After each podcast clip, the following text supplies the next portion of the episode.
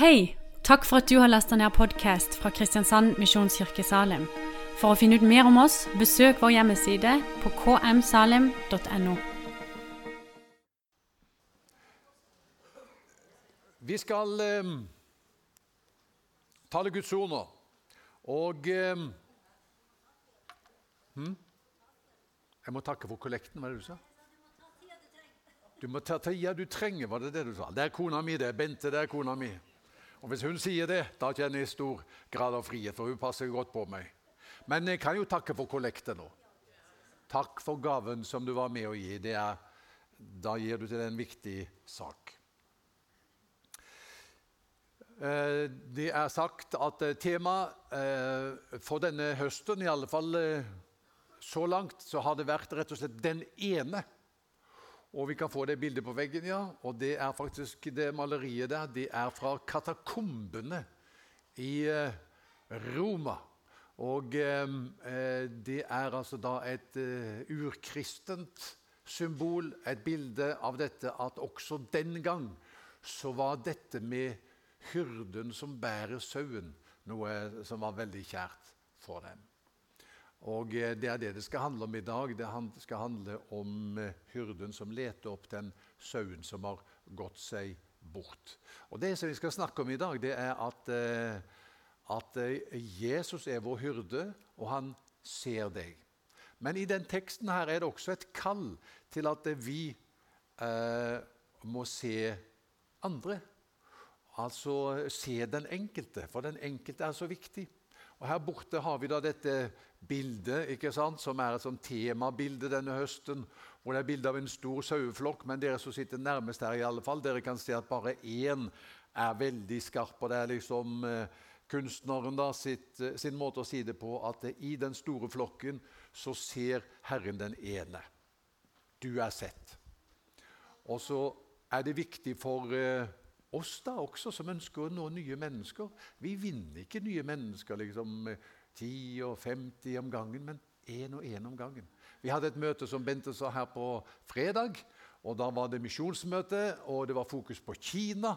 og Da sa eh, han eh, misjonæren fra Finland som var på besøk han heter, Hva heter han for noe? Han heter Rauno Jalavisto. het han faktisk. Og eh, Han var imponert over måten jeg uttalte navnet på, tror jeg. Eh, har du prøvd på det? Rauno Jalavisto. Det er schwung over det. Men eh, han fortalte det at i Kina er det 250 millioner kristne. Og de er vunnet på den måten én om gangen.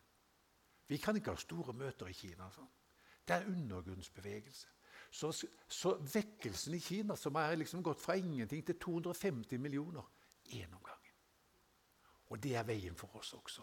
Så det ligger som et bakteppe eh, for teksten, som eh, vi ganske snart skal lese med hverandre. Men eh, nå har jeg lyst mest i dag å snakke om Guds relasjon til deg. Før vi leser teksten, la oss se et annet bilde. Er ikke det et koselig bilde? For eh, Bente og meg, da, så, som er farmor og farfar, er jo det veldig koselig. For det er Lydia. Og der er Lydia Hun var nettopp her. Du så henne på scenen. Eh, det er tatt da hun var ett år. Nå er hun ti år. Og Når jeg viser det bildet, så er det fordi at det kjæreste kosedyret som Lydia har hatt fra hun var ett år og like til nå, faktisk tror jeg mest det, det er det kosedyret som vi har der. Du ser hva det er? Det er en ho-ho. Du ser det? At det er en ho-ho? Ja, en ugle. Og det er jo ho-ho. Og så, Den har hun hatt med seg overalt, vet du, ikke sant, Christian? Du er jo pappaen hennes, dette vet jo du alt om. Men for kanskje ett år siden eller et og et halvt år siden så ringer Lydia til farmor og farfar. Farmor og farfar. Ja, jeg har mista ho-ho. Har du mista den? Jeg har mista den. Og vi finner han ikke der vi bor. Vi har lett overalt, høyt og lavt. Har du lett under senga? Ja, jeg har lett under senga. Har du lett på skapet? Ja, jeg har opp på skapet. Vi finner den ikke. Vi leter også i hjemmet vårt i Svingen. Høyt og lavt. Bente er god på å lete. Og hvis hun etter å ha lett ikke har funnet den, så er den ikke der. Og sånn var det. Og vi ba faktisk også, gjorde vi ikke det? Kjære Gud, hjelp oss å finne ho-ho. Og vet du det at det, til slutt altså, måtte vi kjøpe en ny. Men det hjalp ikke veldig mye, for eh, den nye hohoen den ligna mest ikke på den der, for den var ikke så slitt som den. Så det var noe, en helt annen kjærlighet knytta til den. Det kan vi forstå. Så er det sånn at eh, så gikk det faktisk et år. tror jeg det var. Og så er hele familien på besøk hos bestemor og bestefar på Lena på Toten. Og så får vi en telefon. 'Farmor? Farfar?' 'Ja?' 'Vi har funnet ho-ho.' 'Har du funnet ho-ho?' 'Ja, vi har funnet den!' Den var på Lena på Toten hos bestemor og bestefar. Og de hadde leita oppi den der eh, før der, men nå fant vi den. Gleden var så stor, både hos oss hos eh, Lydia og alle sammen. Du, denne lille historien fra et barns verden, den illustrerer noe som vi alle kjenner. For hvis vi mister noe som er verdifullt for oss, da leter vi iherdig etter det, gjør vi ikke det? Og så glad vi blir når vi finner det. Vet du at eh, den gleden kjenner Gud på også? Og Det er tre lignelser i Lukas 15 som handler om det samme. Noe er mistet. Gud leter etter det, for det er så verdifullt for ham. Og når han har funnet det, så er han så glad. La oss lese teksten. Nå er det en av disse lignelsene i Lukas 15 om sauen som ble funnet igjen. Dersom en av dere eier 100 sauer og mister en av dem, lar han ikke da de 99 være igjen ute i ødemarken og leter etter den som er kommet bort, til han finner den? Og når han har funnet den, blir han glad og legger den på skuldrene sine. Straks han kommer hjem, kaller han sammen venner og naboer og sier til dem:" Gled dere med meg, for jeg har funnet igjen den sauen som var kommet bort. Jeg sier dere, på samme måte blir det større glede i himmelen over én synder som vender om, enn over 99 rettferdige som ikke trenger omvendelse. Amen. Tre punkter. Har du hørt meg før, så vet du jeg prøver å konsentrere det jeg skal si i, i det. Og Første punkt er i dag noe er mistet, og det er en sau.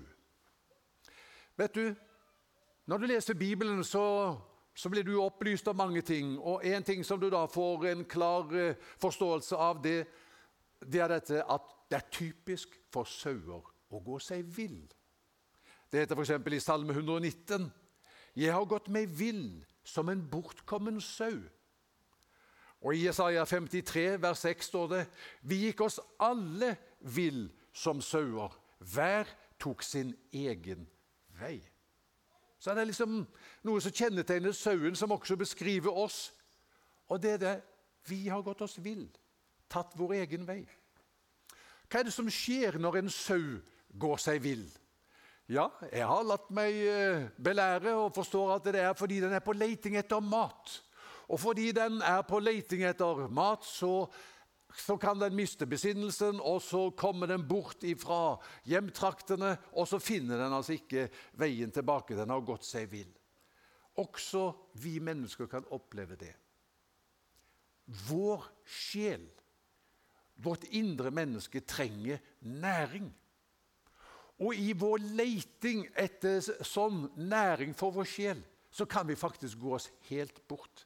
Og Hvis du ser, om, ser deg omkring i verden i dag, så er det ikke vanskelig å finne mennesker som har gått seg helt vill i letingen etter næring for sin sjel. Hva er det vår sjel dypest sett trenger? Hva er det du, når alt kommer til alt, når alt er sagt og gjort, dypest sett lengter etter? Har du tenkt på det?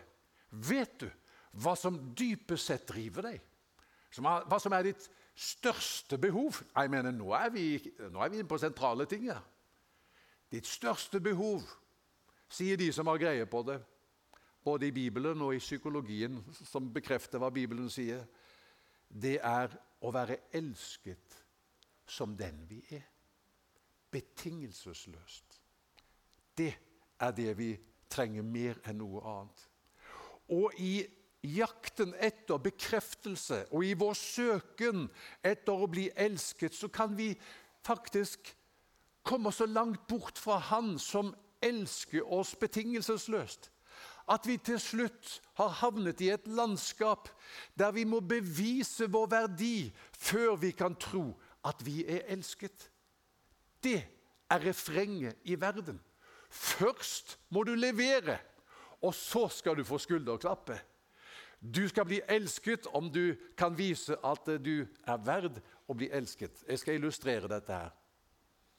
Det er en veldig enkel illustrasjon. Skal vi si at dette er eh, livet ditt? Og så her har vi sentrum, og så har vi da en periferi.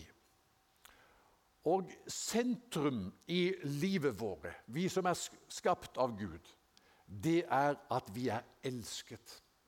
Man kan faktisk ikke si noe sannere om et menneske enn dette. Du er elsket av Gud. Det er det sanneste man kan si om det. Og du behøver ikke bevise det. Du er elsket før du har lagt to pinner i kors for å gjøre deg fortjent til det. For Gud elsker deg med en ubetinget kjærlighet. Det er liksom sentrum i livet vårt. Men det som skjer med menneskene, det er at vi altfor ofte beveger oss bort fra dette senteret og ut i periferien. Og Jo lenger du kommer ut i periferien og bort fra dette senteret, så er altså situasjonen den at du må bevise at du er verd å elskes før du blir elsket. Eh, selvfølelse, bekreftelse på hvem du er, ditt egen verd, det er knyttet til at eh, du eh, leverer, og så får du bekreftelse. Det er tungt å leve der. Og Hvis du lever der ute i den periferien Vet du hva Bibelen sier da? Denne teksten her, den sier da Da har du gått deg vill.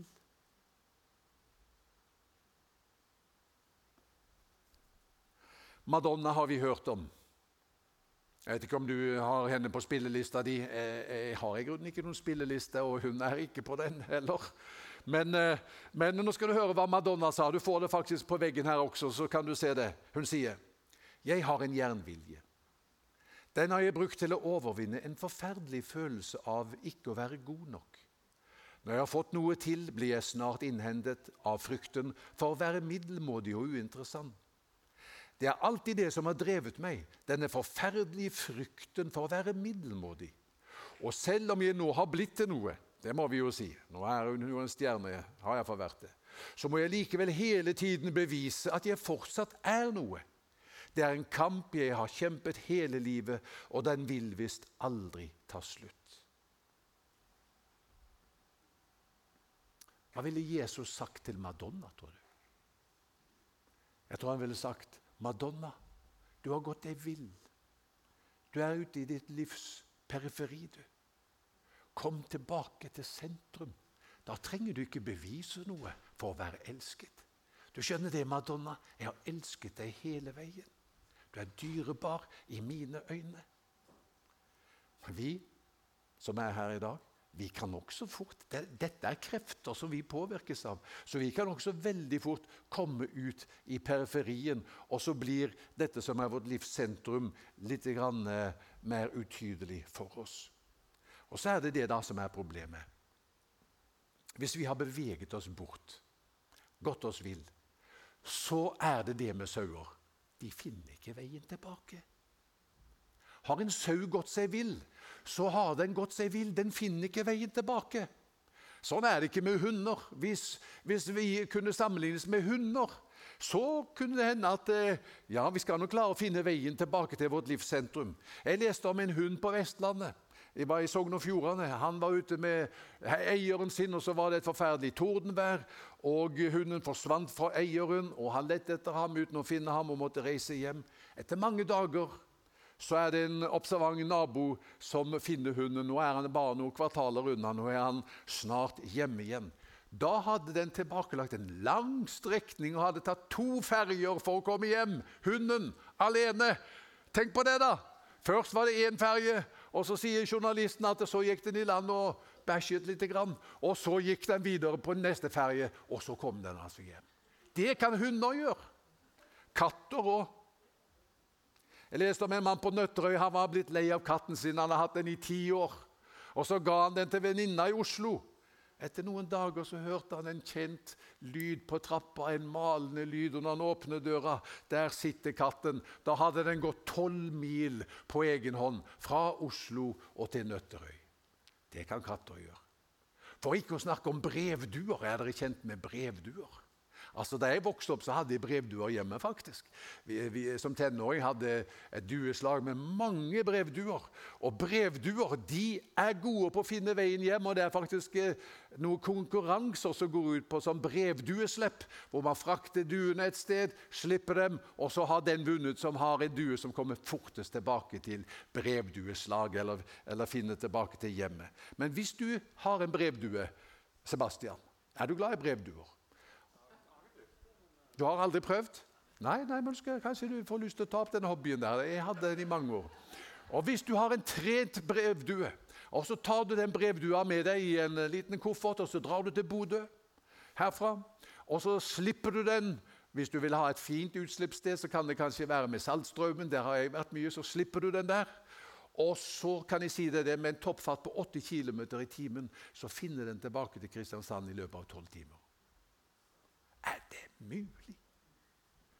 Hunder, katter, brevduer finner tilbake til hjemmet. Men sauer, når de har gått seg vill, de finner ikke veien hjem. Og så er det slik at Jesus sier, 'Vi er som sauer'. Har du beveget deg ut i dette landskapet her, ytterst ute i periferien, så finner du ikke tilbake til den ubetinga kjærligheten på egen hånd. Jeg nevnte at i Lukas 15 så er det tre lignelser som alle handler om det samme. At noe er kommet bort. Det er verdifullt, og derfor leter Gud etter det. Og han blir så glad når han har funnet det. Du har om, fortellingen om den bortkomne sønnen. Den er jo veldig kjent. Og Det er en far som har to sønner, og han mister én. Vi kan forstå at han lengter og speider etter sønnen hver dag. Han har mistet 50 av hvis du kan si det. Altså Han hadde to, nå har han bare én. Så er det denne fortellingen om kvinnen som hadde ti sølvmynter og mistet én. Og hun leter høyt og lavt for å finne den hun har mistet. Én av ti, ikke sant? Det er jo 10% Vi skjønner det at dette er viktig. Men hva med sauene, da? Én av hundre. Det er jo bare en sau. Og 1% svinn, det må vi kunne leve med. Sånn tenker ikke hurden. Dersom en av dere eier 100 sauer, leste vi, og mister en av dem, lar han ikke da de 99 være igjen ute i ødemarken og leter etter den som er kommet bort, til han finner den.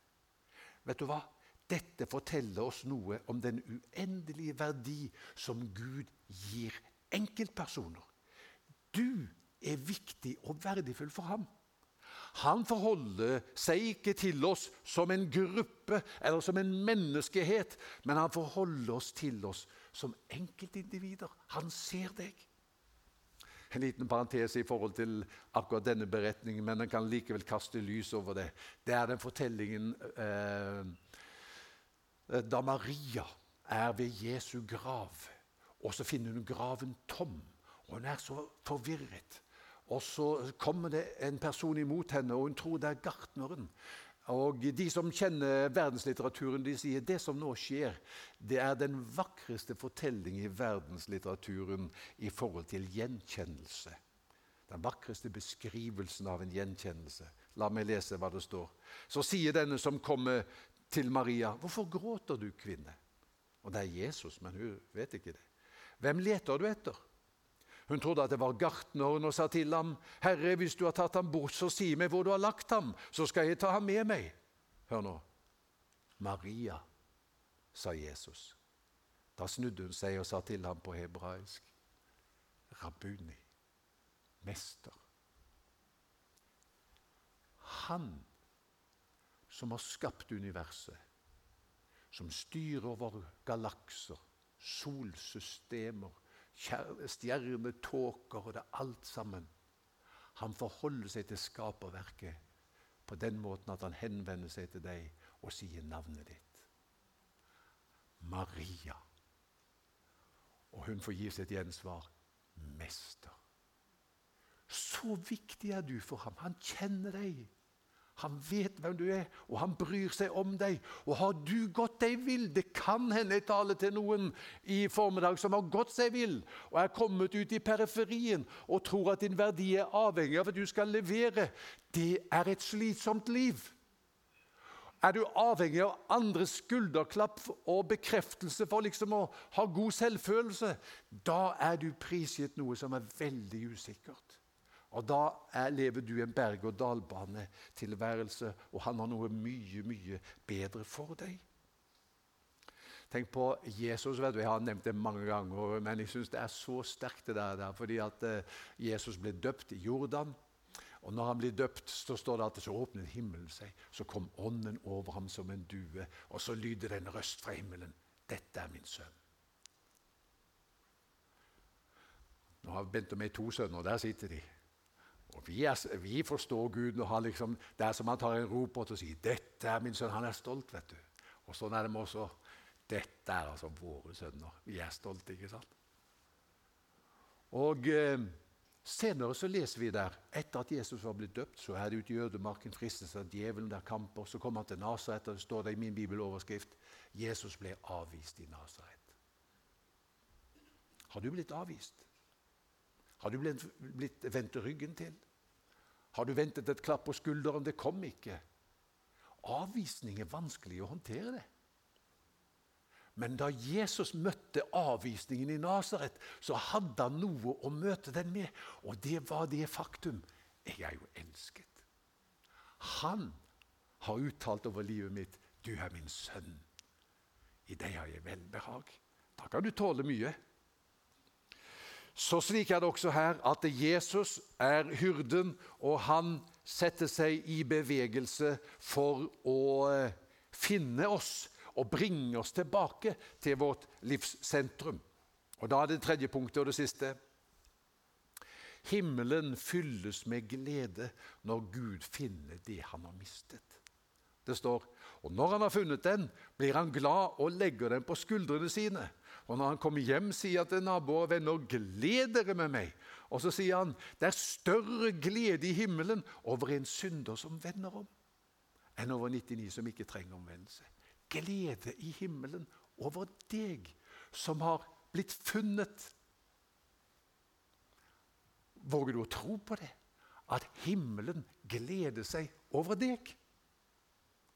Ja, men Tenk deg om vi begynte med Lydia, som hadde mistet ho-hoen. Og hvilken glede det var når han hadde funnet det igjen. Og så kan du tenke på hva har du mistet som var verdifullt, og så har du funnet det. Og den gleden du hadde da, ikke sant? det er jo bare småtteri sammenlignet da med den gleden som er hos Gud. Når han finner det som er dyrebart for ham. Når han finner deg. Det er jo en fortelling. Jeg har fortalt det for dere før men dette er til ære for dåpsgjestene. Det er Rick Warren, som er pastor i, i Saddleback eh, i Los Angeles, som forteller om Jenny. Ah, jeg syns den er så fin, den fortellingen. Tåler du at jeg forteller den en gang til? Jenny som vokste opp i Traverse City i Michigan. Foreldrene var litt gammeldagse og tradisjonelle. Og de overreagerte litt på klesstilen hennes og musikksmaken og at hun hadde ring i nesa. Så i en oppheta krangel med faren så, så roper hun til ham I hate you. Og slår døra igjen. Og så ser hun ham ikke mer, eller han ser ikke henne mer. Hun rømmer til Detroit. Andre dagen i Detroit møter hun en mann som er snill med henne, gir henne mat og et sted å bo. Han gir henne også noen piller som gjør at hun føler seg bedre. Det er begynnelsen på et langt og vondt år i dyp fornedrelse.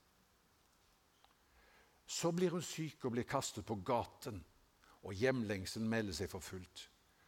Så tenker hun jeg vil dra hjem. Så ringer hun til mamma og pappa. Nei, det er ingen som tar telefonen. Det var i den tida når man ikke kanskje hadde mobiltelefon. Det er bare en, mobil, nei, en telefonsvarer der. Tredje gangen så legger hun igjen en beskjed. 'Mamma og pappa, jeg kommer hjem med buss i natt. Jeg er på stasjonen klokka tolv. Hvis dere ikke er der, så drar jeg videre til Canada.' Det er en busstur fra Detroit til uh, Traverse City som tar syv timer. og Når hun nærmer seg hjembyen, så stiger frykten opp i henne. Hva skal jeg si? Hva kommer de til å si? Vil det i det hele tatt være noen der? Og Når bussen ruller inn på stasjonen, så sier sjåføren det blir bare en 15 minutter stopp her i Traverse City, så om 15 minutter kjører vi videre. Og Jenny skjønner dette vil være de 15 mest avgjørende minuttene i livet hennes. Hun ser seg i lommespeilen, kjemmer håret før hun nervøst går inn i ventehallen. Det som møtte henne der, det hadde hun ikke på noen måte kunne forberede seg på. Der klokka tolv på natta er det 40 mennesker. Mamma og pappa, søstre, brødre, bestemor, bestefar, onkler, tanter, nevøer, nieser. Alle hadde kledd seg i hatter og kostymer. De vifter med vimpler og blåser i fløyter. Og et stort banner er strekt over hele ventehallen der det står 'Velkommen hjem, Jenny'. Pappa løper imot henne og omfavner henne. 'Jeg er så lei meg', sier han. 'Jeg også', sier Jenny. Og så, får vi si det med Lukas 15, begynte festen og gleden. Ikke sant? Ok, vi skjønner den gleden. Det var noe som var mistet. Det var noe som var kommet bort. Nå er hun hjemme igjen. Slik er det glede i himmelen. Når noen som har forvillet seg ut i et landskap og terreng som er så vanskelig å leve fordi er, er så avhengig av andres bekreftelser. Når vi har gått oss vill her, så vil han hjelpe oss tilbake. Og så glad som hyrden er, da. I en annen generasjon var det en kjent forkynner som het Spurgeon. De unge her har ikke hørt om han, men kanskje noen av de gamle har hørt han sitert før. Og Han har sin måte å beskrive Jesu glede på i, i, i forhold til denne bibelteksten. Han sier gleden som strømmer fram i Jesu hjerte over en synder som vender om, er så stor at den flommer som en elv knedyp gjennom gatene i paradis, og alle Guds engler tar del i den og bader i denne gleden. Kan du se det for deg?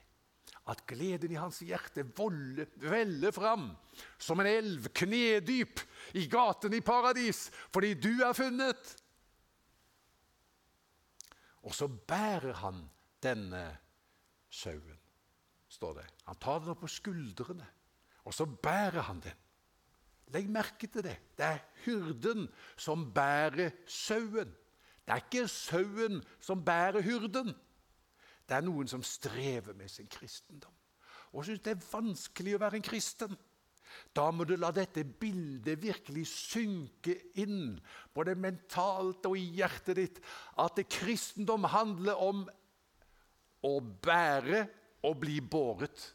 Og det er hyrden som bærer, og det er sauen som blir båret. Kristendom handler ikke om hva du skal gjøre for Gud, skjønner du. Men kristendom handler om hva Han har gjort for deg. Det er kristendom. Og så bærer han sauen helt hjem, leser vi. Det er ikke sånn at han løfter sauen opp av krattet eh, og så peker ut retning for ham. Der er liksom veien hjem, ser du det?